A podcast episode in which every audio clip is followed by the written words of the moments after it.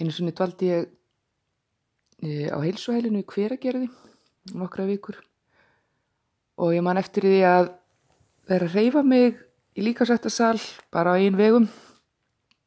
Var að gera arbegur og lifta og hlaupa og eitthvað.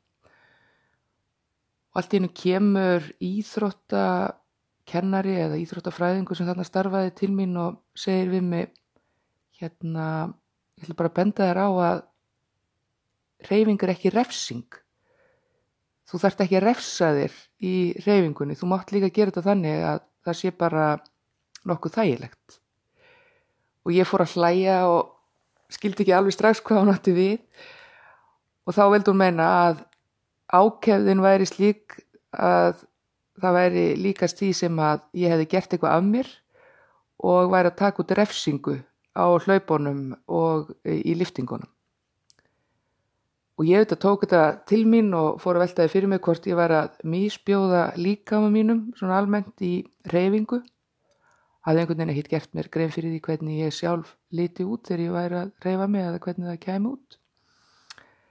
Um, og það er auðvitað rétt sem íþróttafræðingunni segir. Um, maður á að láta líkama sinn endast. Um, og það skiptir máli þó að sé mjög holdt að reyfa sig að fara samt sem aður vel með líkamann, vel með vöðvana og beinin og, og allt sem að uh, við höfum bara að láni.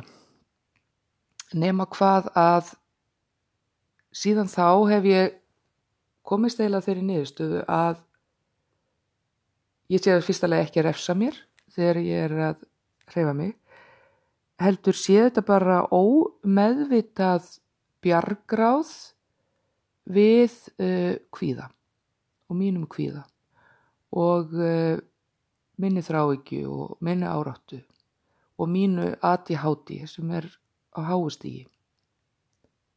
Það er á svo háustígi að lækninni sem að greindi það, ég spurðan þegar að greiningin lág fyrir hvort að þetta væri, að ég skildi ekki alveg tölurnar sem að því fylgdu og ég spurðan hvort að þetta væri á mjög háustígi, svo veltaði fyrir mér og hann sagði mér, já, ef þú værir að fá út próf í háskólanum þá værir selga með svona nýju engun. Þannig að ég er með svona ADHD upp á nýju engun. En að hreyfingunni aftur, ég fór að veltaði fyrir mér uh, hvort það geti verið, ég væri að refsa sjálfur mér með hreyfingunni. Ég held að þetta sé hreinlega bara uh, mér lífsnauðsynlegt að ymmit stunda hreyfingu af slíkri ákefð vegna þess að ég er ekki að undirbúa með undir neina keppni. Ég er ekki að nota hreyfingu til þess að leggja af vegna þess að ég veit að það eru aðri þætti sem raunverulega skipta meira máli í því sérst matræði e, og ég er ekki að gera þetta af uh, einhverju reyði í eigingar heldur er bara eins og ég sé að bjarga lífi mínu þegar ég er að reyfa mig. Og sennilega er ég að því. Sennilega er maður að því. Um, ég hef upplöfun af því að vera það er svona verið í gegnum tíðina. Þó ég sé stött í sumarbústa þar sem ég er með fólki að sem allir er að slaka á. Og allir er bara að kvíla sig eftir vinnuveikuna þá þarf ég alltaf að fara út og refa mig. Og það er ekki vegna þess að ég sem er samvinskupitt það er vegna þess að þetta er mitt náttúrulega geðlif uh, ég tek inn uh, þunglitslif en það er bara ekki nóg Þarna er líka minn að bjóða upp á lífræna uh, meðferð. Þó ég fara á sólaströnd, þá reynir ég að fara og hlaupa. Reynir þá bara að fara á mótnana þegar það er ekki orðið allt of heitt. Ég meiri þess að hlaupið í, í stórborgarferðum, erlendis. Um, reynd að finna einhverja garda til þess að reyfa mér.